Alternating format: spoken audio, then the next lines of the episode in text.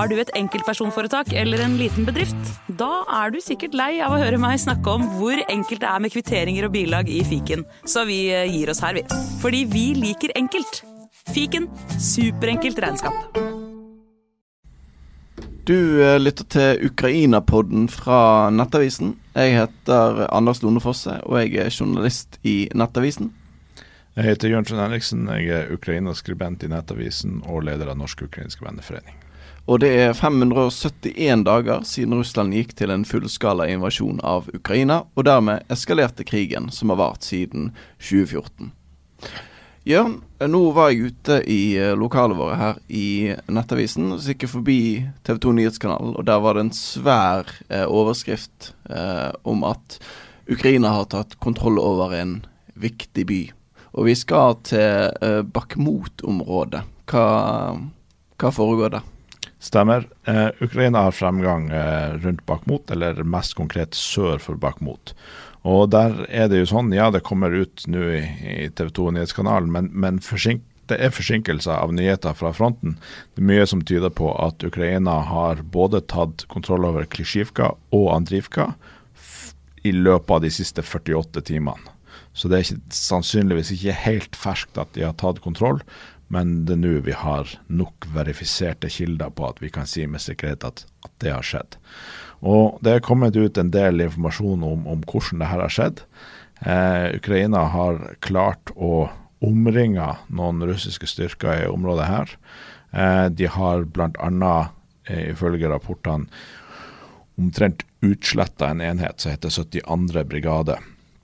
Og så var det en av eh, de styrkene som russerne satte inn for å avløse det her, eller gå, på, gå til motangrep, den 31. luftbårne brigade. Der ble kommandanten drept i et ukrainsk angrep. Så, så de russerne har hatt betydelige tap her.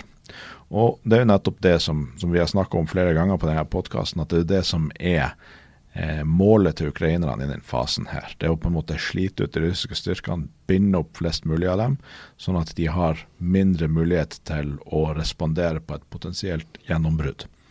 Og sånn sett, det vil jo fremtida vise om hvem som hadde rett, men, men derfor den amerikanske kritikken mot å ha fokus på Bakhmut, når ifølge dem det egentlige målet er Azovhavet, um, den jeg tror i hvert fall at den, den kritikken er feilslått, for at det her har helt tydelig en effekt. Og så har vi sett en del ting eh, i de slagene her med Bakhmut som, som er vanskelig å verifisere, men, men der er videofilmer fra droner og sånn som tyder på at det er korrekt.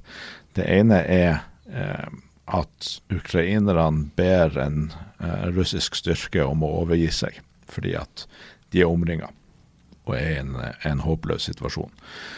Og Der er det en del av de russiske soldatene som er omringa, som, som, faktisk eh, overgir seg, eller er i ferd med å overgi seg. Og Det som skjer da, det er at de plutselig blir truffet av artilleriild. Og det er ikke ukrainsk artilleriild, det er russisk artilleriild som skyter på sine egne styrker som er i ferd med å overgi seg. Og De har også prioritert å skyte på sine egne styrker som er i ferd med å overgi seg kontra det å skyte på ukrainerne. Det er ikke første gangen det har skjedd i denne krigen. Vi har også sett tilfeller på eh, eh, via dronevideoer at russiske styrker skyter egne styrker som trekker seg tilbake. Eh, det er en ting som har skjedd i, i, tidligere kriger også. Vi har sett noen enkelttilfeller. Vi vet ikke hvor omfattende det er i denne krigen. Eh, og det er som sagt vanskelig å, å verifisere 100% Men nå begynner det å bli en bra mengde videoer av, av sånne her type ting som skjer. Det er sånn gufs fra sovjettiden, ja. dette. For du sier det har skjedd tidligere. Men, mm. det, men det, er jo ikke så Det er jo ikke vanlig krigføring. Det, det, det, er unntak, heldigvis, får vi si. Ja, det er unntak i, i uh, den vestlige verden, eller hva, hvordan vi skal omtale forskjellen her. Men, men det er noe klassisk russisk over det også. Altså, og det har vi jo sett på måten de fører denne krigen på, at de har jo veldig liten omtanke for egne soldater. De, det gjør de ingenting å, å bruke 40 000 soldater på å ta Bakhmut og bare kjøre de inn i kverna, eh, og, og, så vinner de eh, terreng til slutt. Og nok en sånn indikasjon på hvordan det her er, er jo at eh, det, det, kommer, og det plukkes opp via telegram, men også ukrainsk etterretning, at det er klager på at det blir dårligere og dårligere forhold for skadde russiske soldater. Og En av de tingene som har skjedd nå i det siste, er at sanitetssoldatene istedenfor å være i sanitet bak linjen, nå blir sendt til fronten som infanterisoldater. Både sanitetssoldater, logistikk, eh, folk og, og, sjåfører og lignende. Så det er jo både indikasjon på to ting. Det ene er at de ikke bryr seg om sine egne styrker, for at de ikke er opptatt av å beholde sanitetssoldatene. Og det andre er at de helt tydelig har mangel på folk ved fronten og er, er pressa. Mm. Eh, Klitsjika er ryddet for russere. Det sa Oleksandr Sirskij, som leder det ukrainske eh, militærets bakkestyrker, i sosiale, sosiale medier søndag kveld. Eh, og så er det jo litt sånn Altså, dette er jo rett rundt bak mot, og vi, vi har jo sett bildene av eh, Bakhmut, denne nærmest grushaugen som ligger igjen der. Og det er jo litt det samme nå. Sant? At det, det området som de gjenerobrer, er jo lagt fullstendig i ruiner, som er jo da spesielt trist, siden det, det var ukrainsk eh, på et mm. tidspunkt, og så har de måttet kjempe for, for å få det tilbake. Um, og uh, ja, Zelenskyj sier uh, i sin daglige tale at i dag vil jeg særlig hilse til soldatene som steg for steg tar tilbake det som tilhører Ukraina, nemlig Bakhmut-området. Uh, mulig det var i gårsdagens kveldstale. Um, men det har altså kostet dyrt. Um, Motoffensiven som begynte i sommer, har gått tregere enn det Ukraina har håpet på. Det skriver uh, NTB, det norske telegrambyrået. Uh, og snart kommer nok en vinter med krig i Ukraina. Vi nevnte det sist, at det er ikke nødvendigvis en sluttdato for offensiven at det, det blir vinter, men uh, det gjenstår litt å, å, se. Men så tenker jeg også det er jo positivt det som du er inne på, det med at de klarer å omringe. Mm. For det, det, er litt sånn krig ABC, dette. Men når du klarer å omringe eh, soldater, så er det positivt. For det, I hvert fall hvis de får anledning til å overgi seg uten at de blir mm. drept av eh, egne styrker, selvfølgelig. Men det, det, har en helt egen verdi enn det å bare dytte de bakover ja. eh, i et forsvarssystem. Og jeg følger, Det er en, en konto som jeg følger og har fulgt ganske lenge på Twitter, som heter uh, Warmapper. Som i dag oppdaget jeg faktisk det at eh, de har lagt inn eh, forsvarssystemene i mm. kartene. Så du kan se eh, ganske nøyaktig hvor disse forsvarslinjene som vi ofte er innom, ligger. Og um, selv om uh, Ukraina har hatt absolutt en stor fremgang, så har de fremdeles en god del russiske sånn, forsvarsnettverk å spille på det. Så det at man klarer å omringe, er jo så mye mer positivt enn at de bare dyttes tilbake, disse, disse russerne som um, som er utplassert ved, ved frontlinjene. Absolutt. Eh, og, og, det er jo nettopp det det handler om. Det om å redusere kampkraften til russerne mest mulig. Og det å kunne omringe en styrke da, eh, har jo høy verdi. Nå var det jo en del som klarte å overgi seg eh, likevel, heldigvis, som overlevde der. Og så var det en del av den styrken som, eh, som ikke overga seg og prøvde å bryte ut, men de ble angrepet av eh, ukrainske droner eh, og, og, hadde nok store tap. Eh, men det er ganske uvanlig eh, i moderne krigføring å klare å omringe noen. Og det er nok uh, igjen en indikasjon på, på, hovedsakelig to ting. Det ene er at uh, russerne har dårlig situasjonsforståelse. Altså Når de mister høytstående offiserer, så, så, mangler de handlekraft. De har jo en kultur der uh, det er mye bedre å ikke gjøre noe enn å gjøre et eller annet du ikke har fått ordre om, og, og så går det galt. Sånn at det er veldig mange som blir lamma når de tar ut lederskapet. Og eh, det andre er jo den her russiske strategien om å aldri trekke seg tilbake. Eh, som hemmer dem i, i forsvaret deres. Hvis, hvis de, de, militære lederne til uh, russerne har fått frihet til å manøvrere og til å gjøre taktiske vurderinger om når de skal slåss og når de skal trekke seg tilbake, så hadde nok eh, så hadde de nok mista mye mindre folk. Men det virker åpenbart at det på politisk nivå, altså av Putin, er blitt bestemt at de skal aldri trekke seg tilbake og skal forsvare hver millimeter. Og da kan du få sånne her situasjoner der, der ukrainerne klarer å, å omringe styrker. Og så skjer det ting på andre frontavsnitt også. Vi ser at uh, ukrainerne har utvida Eh, den enklaven de har inn i russiske linjer eh, ved Zaporizjzja-fronten, og tatt området vest for Robotynje. Og hvis man ser på de her kartene, du nevnte uh, Warmapper, og så har du Institute for the Study of War har også et veldig bra kart. Det finnes mange bra kart der inne. Men når, når ukrainerne på en måte presser seg inn gjennom forsvarsvekt på frontlinja, så, så, lager de jo på en måte en tarm inn i det russiskkontrollerte området. Og det er jo i utgangspunktet en veldig utsatt posisjon, for da kan de jo bli utsatt for motangrep fra tre sider. Så det er jo eh, veldig risiko og, og, og, og krevende å, å, gjøre et sånn her type fremstøt. Og det viser jo på en måte styrkeforholdet mellom de ukrainske styrkene og de russiske styrkene. At eh, ukrainerne gjør det her flere plasser på slagfeltet nå. Blir utsatt for veldig omfattende motangrep, men der russerne likevel ikke klarer å presse ukrainerne tilbake i noe særlig grad.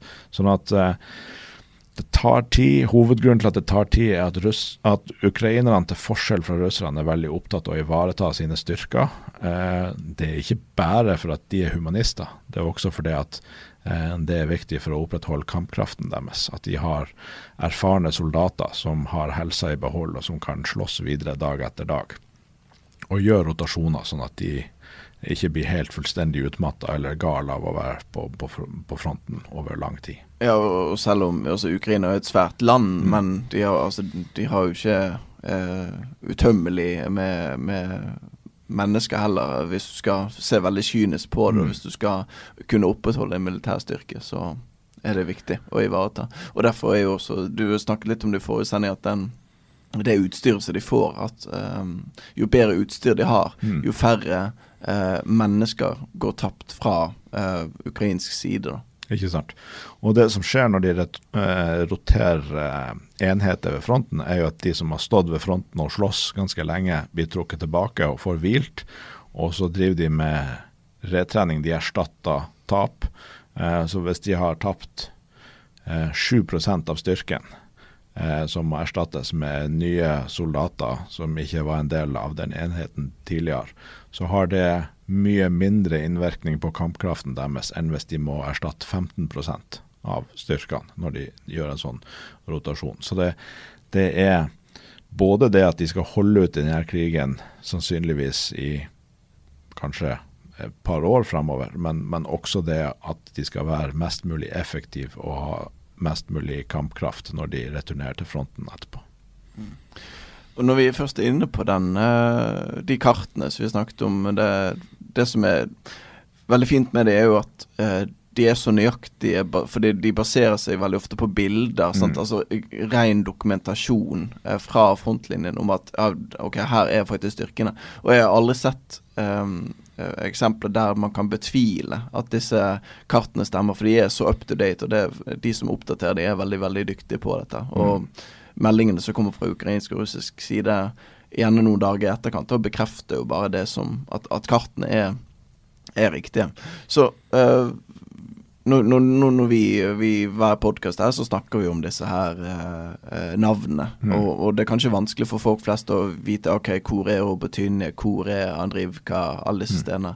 Men bruk de War Warmapper heter det, i hvert fall den ene på, mm. på Twitter. Gå, bruk den, eh, så kan man på en måte følge med der. Og, en ting som vi ser der nå, er jo at um, de, de, har dette her Robert Tynje, det, det har de utvidet og, og kjempet seg framover, de ukrainske styrkene.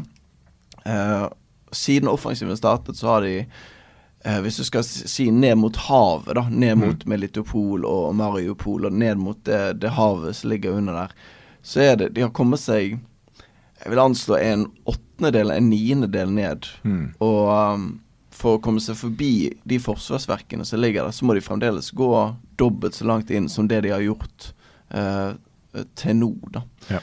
Um, så det, det går uh, Altså det, det, er ikke meningen å høres kjip ut når jeg sier dette, men det går, det går tregt.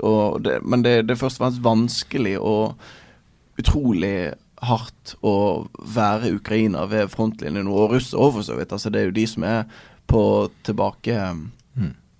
tilbakefoten, eller hva man skal kalle det for. Det er de som er på retretten der, ja. til en viss grad. Uh, altså ikke stormretrett, den vi så i Kharkiv, som det er jo det man håper på skal skje. Men uh, ja, det er vanskelig.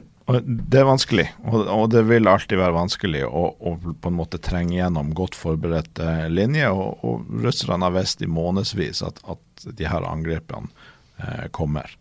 Men så er det viktig å påpeke at, at igjen, de jobber fortsatt med å legge forholdene til rette for et gjennombrudd. De er ikke der enda at de har gjennomført det her store angrepet. Vi vet at de har fortsatt styrke i reserve som, som de ikke har satt inn.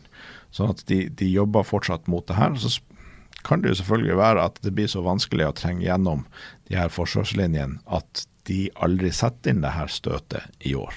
Jeg tror de kommer til å gjøre det. og En av årsakene til det er at ja, de, de forsvarslinjene er tegna opp i kartene, men, men, det er forskjell på hver linje. Det var den første linja som var sterkest, og det der det var aller mest miner lagt ut. Og det er hovedsakelig de veldig lange, breie minefeltene som har vært eh, et kjempeproblem for de, og, og de russerne har lagt et mye tjukkere minebelte enn noe av det som eh, amerikanerne har møtt på i Irak eller, eh, eller lignende. Så det er på en måte ja, det, det, er en omfattende ting å komme forbi. Men så er det det at det er ikke bare forsvarsverkene. altså Uansett hvor mange sånne løvetenner du legger ut, eller vollgraver du, du eh, lager for stridsvognene, så er hovedutfordringa kombinasjonen av sånne fysiske hindringer og styrker som forsvarer dem.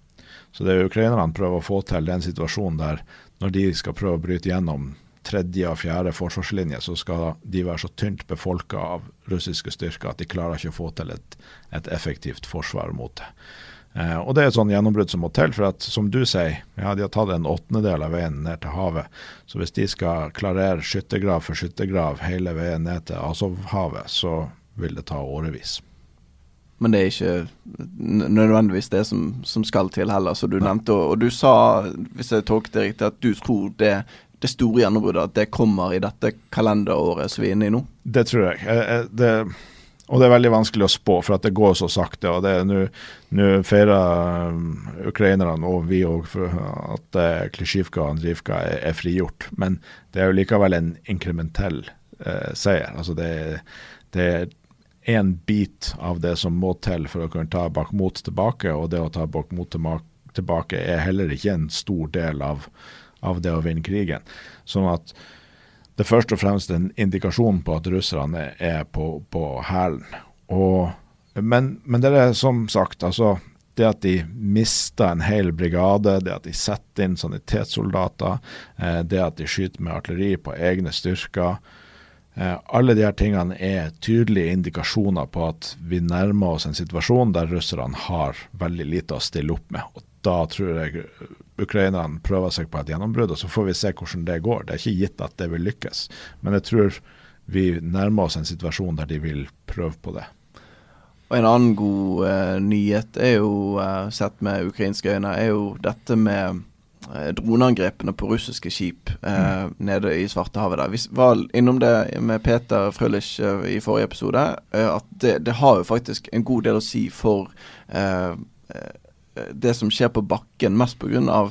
Eh, disse kryssermissilene som, eh, eh, de må flytte lenger vekk. Sant? Det blir vanskeligere å, å, å drive den missilkrigføringen fra russisk side pga. det som Ukraina nå lykkes med i, i Svartehavet. Og um, en ukrainsk minister, Mikhailo Fedorov, han har uh, spilt en viktig rolle i oppbyggingen av Ukrainas uh, droneindustri. Og han sier det kommer nye angrep. Dette er en melding fra lørdag, eh, lørdag formiddag. Eh, det blir flere droner, flere angrep, færre russiske skip, sier han. Eh, det er sikkert, legger han til, når han blir spurt om disse nylige angrepene rundt, rundt Krimhalvøya. Hva tenker du? Hadde, er, vi, vi, snakket mye om det sist med Peter. Har det kommet flere meldinger om, om angrep i Svartehavet?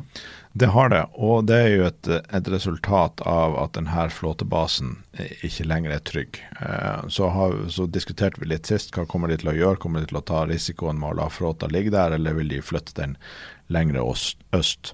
Um, og de har hatt fire korvetter, og en korvett er en eh, skipsklasse som er mindre enn en fregatt, men større enn en MTB. Eh, så det er på et ganske stort uh, patruljefartøy. Uh, ukrainerne har angrepet fire sånne korvetter i Svartehavet siden forrige episode, og påstår at de har skadd to av dem. Eh, mens fire, nei, to av dem slapp unna, og to av dem har blitt skadd. Dette kan vi jo ikke verifisere, men det er bilder av at en av de slepes inn i Sevastopol havn, der det ser ut som den har en liten slagside. Eh, men nå er det jo ikke uvanlig at, eh, at russerne sleper båtene inn likevel, for noen ganger er det mer praktisk for å få de til havn. Så, så ikke, vi kan ikke kategorisk slå fast at uh, den er skadd. Men som regel så stemmer det når ukrainerne påstår at de har gjennomført et angrep og truffet de her båtene. Og hvis de nå klarer å hindre russerne fra å operere med korvetter og den type skip uh, nordvest i Svartehavet, så har ikke da har ikke russerne noe verktøy for å hindre sånne maritime eh, operasjoner langs kysten der, sånn som vi har sett noen raid av, eh, av ukrainske styrker som har vært i land og ødelagt radaranlegg og, og gjort sånne raids. Og Det vet vi at de har trent på, bl.a. med den norske kystjegerkommandoen. Så, så, det har en påvirkning på landkrigen, og så er det jo selvfølgelig en veldig, et veldig stort strategisk tap for russerne å få en svekket svartehavsflåte. Det er noe de har vært opptatt av i århundrer, og som mye av denne krigen også handler om. Så, det er klart. Og, og, vi har også fått bilder av ubåten Rostov-on-Don som ble angrepet. Den er helt utbrent. Den har to svære hold i skroget. Og etter å ha sett på de bildene, hvis man går på, på Twitter, eller X som det heter nå, så finner man de bildene. Så det er helt tydelig at den ubåten kommer ikke til å seile igjen. Og han uh, ukrainske nevnte ministeren Fedorov sier også at uh, Ukrainas droneproduksjon den er over 100 ganger så stor som i fjor, og at de venter ytterligere økning mot slutten av året nå. Og Han ja. sier også at de tester systemer med kunstig intelligens som kan lokalisere mål flere kilometer borte og føre drone til målet selv om det blir eh, forstyrret elektronisk. Um, Nettavisen bl.a. hadde tidligere omtalt hvor viktig kunstig intelligens kan bli for Ukraina i krigføringen mot eh, Russland.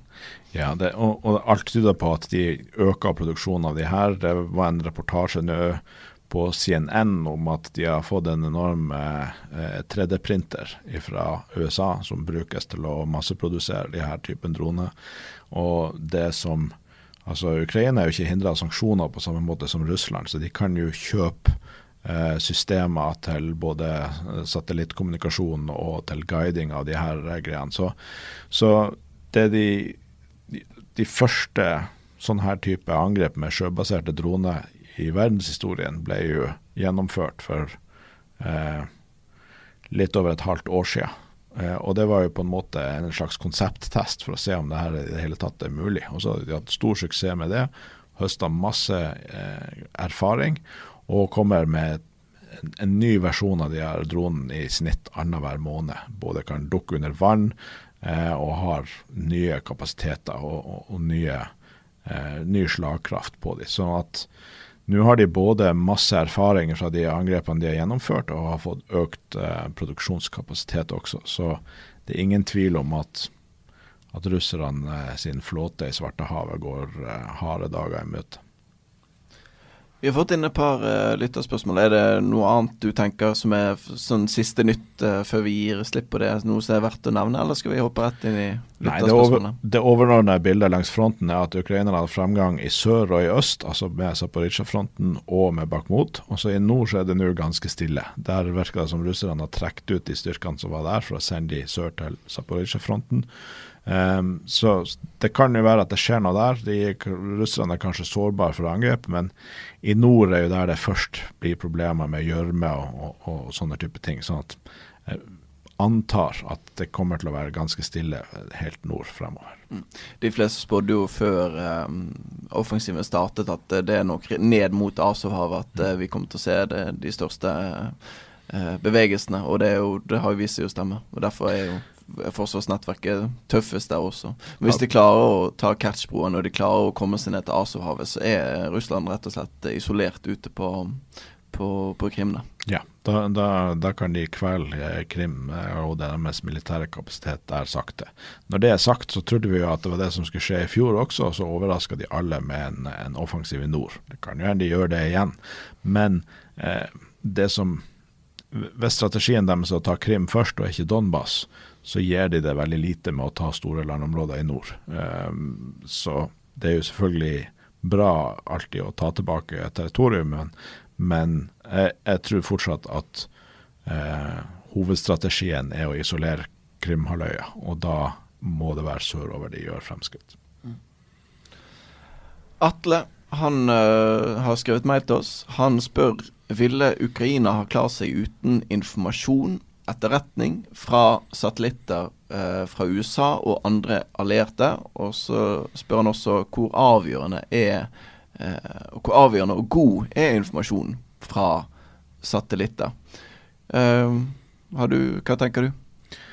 Det er klart det her er veldig viktig for ukrainerne. Og det å gjøre en vurdering om, de, om de ville ha klart seg eller ikke, det, det blir jo rent spekulasjon. Eh, eh, og det er klart Både våpenhjelp og etterretningshjelp de får fra vest er ekstremt viktig for ukrainerne.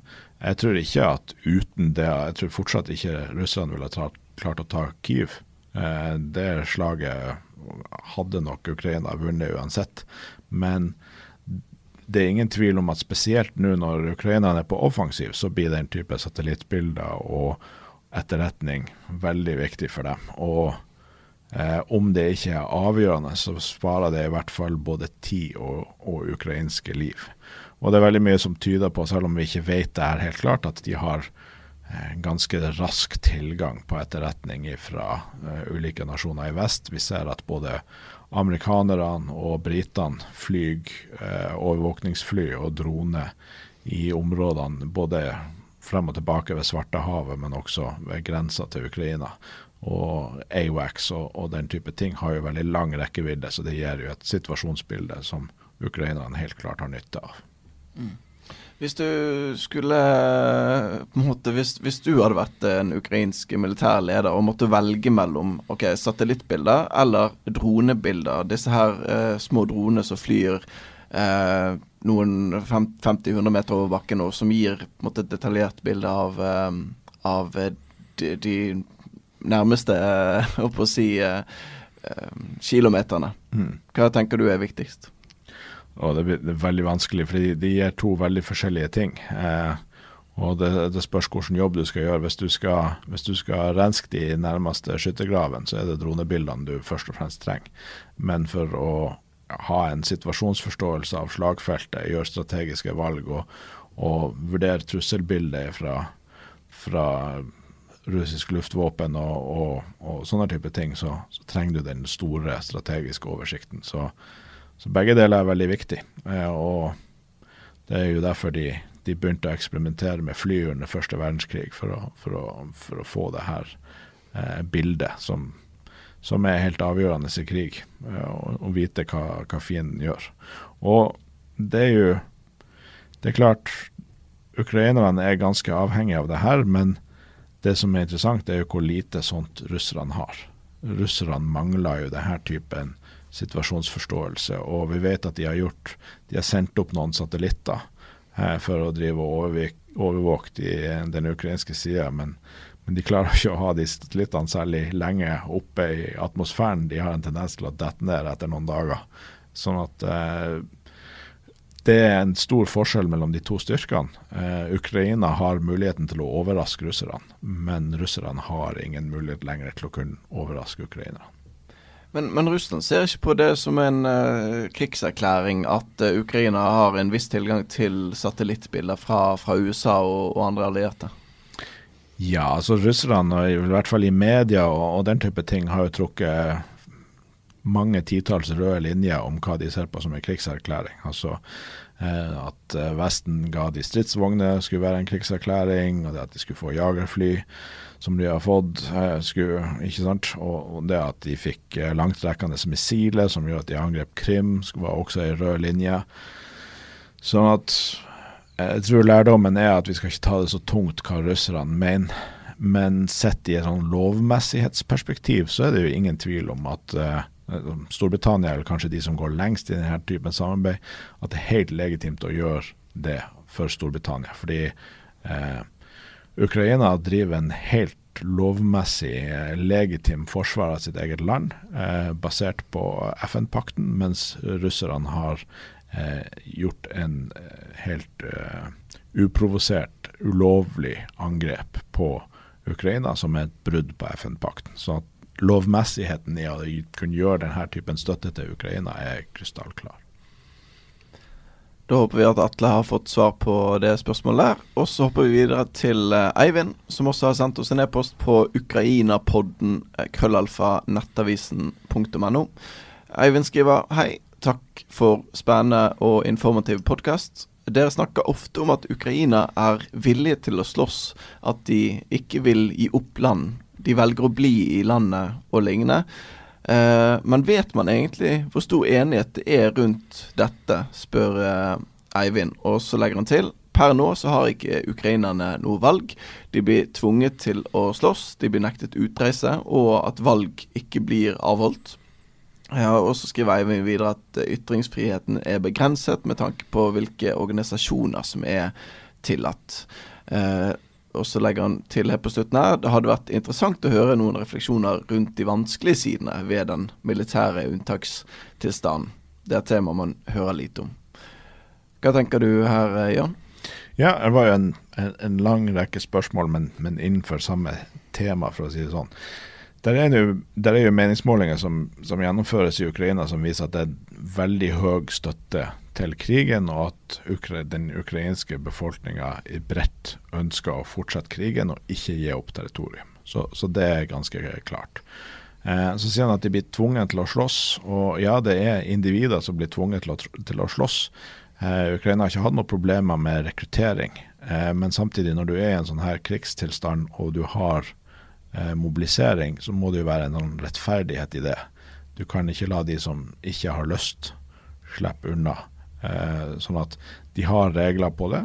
Og det var jo de her eh, lederne for de forskjellige mobilis eh, mobiliseringskontorene fikk jo sparken, som vi snakka om i en tidligere podkast, fordi det viste seg at det var altfor mange som av medisinske årsaker har sluppet unna mobilisering, og som igjen viste seg at det var rike folk som har betalt seg unna det.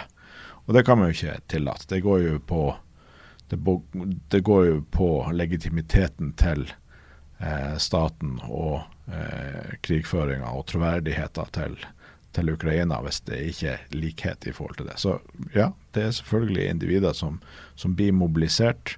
Eh, og eh, selv om noen støtter krigen og ønsker at Ukraina skal slåss videre, så er det forskjell på det å faktisk dra i, i kampen sjøl. Så det vil, vil alltid være eh, sånne situasjoner. Men det betyr ikke at eh, Og det har vi sett russiske på en måte trollkontoer, og det er et sånn narrativ som de har drevet og pusha, at ukrainerne driver og tar folk på gata og tvangsmobiliserer de og, og, sånne type ting. Det er ingenting som tyder på at, at det foregår i det hele tatt. Eh, det er ordna forhold rundt mobiliseringa av eh, ukrainske styrker. Og tvert imot så er det på russisk side man ser sånn her nærmest mobilisering på gata. Og nå har de også innført regler om at folk som har mye gjeld, skal kunne mobiliseres eh, på russisk side. Så, så sånn rettsstatsmessig i forhold til så, så mener jeg det er en feil begrepsbruk å si at folk blir tvunget til krig. Altså de blir mobilisert. Det er ikke alle som ville ønske å bli mobilisert hvis de kunne unngå det, men, men sånn er det jo å være i krig. Og det gjelder jo også organisasjoner. Det var jo en del partier som ble ulovlig eh, i februar 2022, eh, da, da, krigen starta. Og da kan man jo Det er jo problematisk demokratisk sett, men også forståelig i eh, et land som blir angrepet av en nabostat, at de partiene som er tett knytta til den nabostaten som angriper, blir gjort ulovlig. Altså det er jo kan man jo si er forrædersk å, å, stå i ledtog med den nasjonen som, som, angriper Ukraina. Sånn at ja, eh, vi skal være åpne for at uh, Ukraina er på ingen måte et perfekt demokrati. Uh, og spesielt ikke nå når de er i krig, men det er jo også en av de, de tingene som gjerne skjer med nasjoner i krig og når du har unntakstilstand, det er jo at uh, en del friheter blir, blir tatt bort for å sikre nasjonens overlevelse. Ja, og eh, også denne nyheten som kom nå her eh, Det var vel oh, Var det i går, da? At, den, at Ukraina sparker viseforsvarsministeren og fem andre viseministre. Det er da viseforsvarsminister Hanna Maljar og eh, ja, som sagt fem andre viseministre som, som får sparken. Eh, Maljar hun fikk sparken eh, få dager etter at hun måtte trekke en påstand om at ukrainske styrker hadde gjenerobret en landsby ved den russisk eh, okkuperte byen eh, Bakhmut. Og ja, soldatene ved fronten reagerte kraftig på uttalelsen, fordi de mente Maljars uttalelser kunne sette livet deres i fare. Det skriver NTB i en melding her. Um, og den uh, ukrainske regjeringen har ikke oppgitt noen uh, grunn, i hvert fall ikke mandag uh, i, i snakkende stund, for at hun og da fem andre viseministre blir avskjediget. Um, det jo er noe som minner meg litt om sånn eh, Altså ikke det demokratisk, da, hvis vi skal kalle det for det. At de, de plutselig bare går hen og, og sier ja, dere er ferdige. Og det er ikke lenge siden heller at de byttet um, byttet forsvarsminister. Altså Rustem Umerov som erstattet uh, Oleksij Resnikov, som ble utnevnt til forsvarsminister tre måneder før den russiske invasjonen. Så, altså de, det er noen utskiftninger her. Ja, det er utskiftninger, men utskiftninger er også naturlig. Og, eh, og bytte av forsvarsminister var jo også eh, ikke fordi at han hadde blitt tatt i korrupsjon, men fordi at det skjedde korrupsjon under han i systemet, og som han da også måtte stå til ansvar for.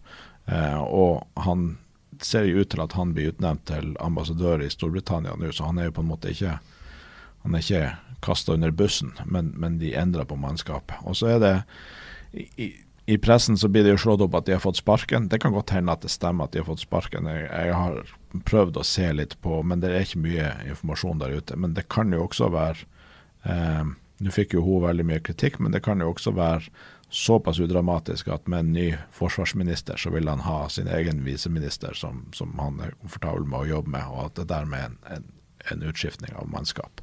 Men det er klart, altså Jeg tror eh, det, det er ikke det er selvfølgelig ingen som blir så utmatta og eh, knust som de som er ved fronten, men det å ha de her posisjonene i et land som har vært i krig i et, en og en halv måned, i en sånn fullskala krig som de er nå, det, det er krevende. Og det er ikke alle som leverer i en sånn situasjon, og da er det naturlig å endre på mannskap. Eh, jeg, jeg skjønner spørsmålet, men jeg vil ikke si at det er et, eh, tegn på et demokratisk problem.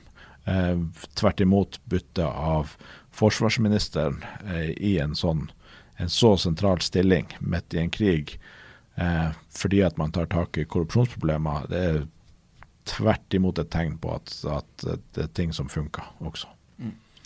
Og en annen som sliter litt eh, håper å si med helsen, er jo eh, Kadyrov, som vi faktisk var innom i forrige sending òg. Tsjetsjenias eh, leder. Men han skal vi komme nærmere inn på i neste episode.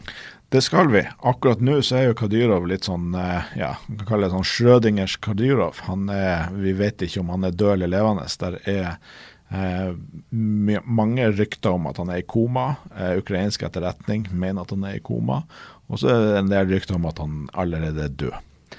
Det vet vi ikke. Og det Kan, kan jo også skyte inn, eh, det vet jo du òg, at det, det kom jo en eh, video på telegrammen hans og så der han sier at det er deilig å ta seg en tur i regnet for å få rensket eh, tankene og, og alt mulig. Ja. Og så vet vi jo ikke om den er eh, Altså, det, det kan være opptatt, det kan være Vi vet ikke. Nei, han holdt ikke opp dagens avis i den videoen, så vi vet ikke om den videoen er fersk eller ikke. Men det er i hvert fall veldig mye rykter rundt han, og det kan jo Vi har jo sett på bildene at han er ja, veldig oppblåst, for å si det sånn, så det er mange indikasjoner på at han sliter med, med helsa. Eh, så det er jo spennende og interessant. Eh, hva skjer med Tsjetsjenia hvis han faller fra?